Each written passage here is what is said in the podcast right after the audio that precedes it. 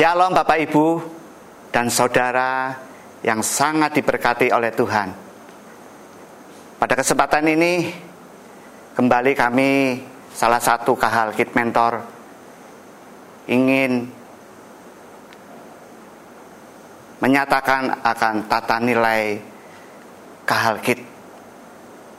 Ya, apa itu tata nilai? Yang lalu saya sudah menyampaikan tata nilai itu adalah nilai-nilai yang ingin diajarkan dan kita doakan supaya nilai-nilai tersebut, norma-norma tersebut, kaidah-kaidah tersebut boleh ada menjadi gaya hidup, menjadi kehidupan dari kahalkit, menjadi kehidupan bagi putra-putri Bapak Ibu sekalian. Yang lalu saya sudah sampaikan bahwa tata nilai kahalkit, kahalkit ini kalau disingkat menjadi in Christ. Ada delapan huruf dan ya, huruf yang pertama kemarin saya sudah terangkan. Kita mau memasuki kali ini memasuki tata nilai yang kedua, yaitu huruf yang kedua. N. Di dalam in Christ ini masuk huruf yang kedua, N. Yaitu new creation. Menjadi ciptaan yang baru. Ini yang kami sebagai kahalkit mentor tanamkan bahwa se sebagai anak-anak Tuhan di dalam Kristus kahalkit adalah menjadi ciptaan baru. Bapak Ibu, kita semua yang ada di dalam Kristus adalah ciptaan baru. Ini pernyataan Tuhan sendiri di dalam 2 Korintus 5 ayat 17. Mari kita baca. 2 Korintus 5 ayat yang ke-17 demikian bunyi firman Tuhan.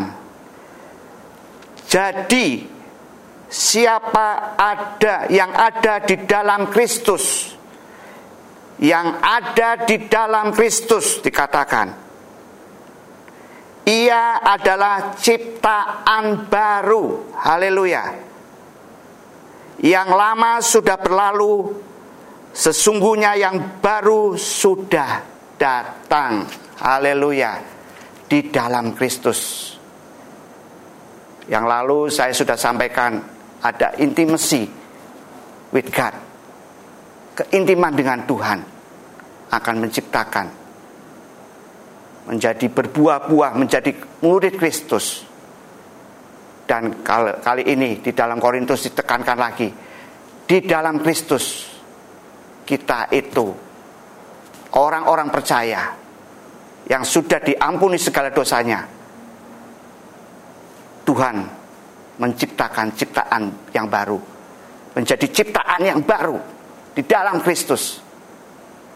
Menjadi ciptaan yang baru adalah sesuatu yang normal juga, Bapak Ibu, yang wajar, yang harus terjadi di dalam anak-anak Tuhan, di dalam orang-orang percaya yang ada di dalam Kristus. Menjadi ciptaan yang baru adalah sesuatu yang normal, yang akan terjadi dan harus terjadi dan harus digenapi. Haleluya. Melalui perenungan keintiman dengan Tuhan. Ketika kita bersendiri, ketika bersaat teduh putra putri Bapak Ibu diproses oleh Tuhan.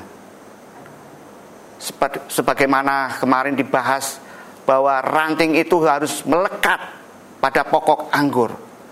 Dan ranting itu akan berbuah-buah ketika dia dipotong, ketika dia dibersihkan. Sebagaimana kita juga sebagai orang percaya, kita akan dipotong.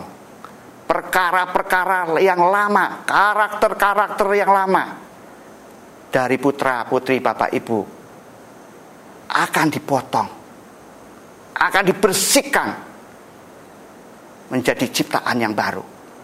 Yang lama sudah berlalu, ciptaan baru Tuhan munculkan.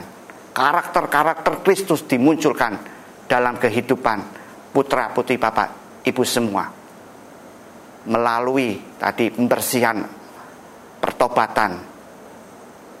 Dan yang ketiga Tuhan melalui juga afirmasi penegasan. Tuhan akan menegaskan kepada putra putri Bapak Ibu semua melalui firman-Nya bagaimana jati diri kita, jati diri putra putri Bapak Ibu di dalam Kristus. Tuhan akan afirmasikan, tegaskan, teguhkan firman-Nya.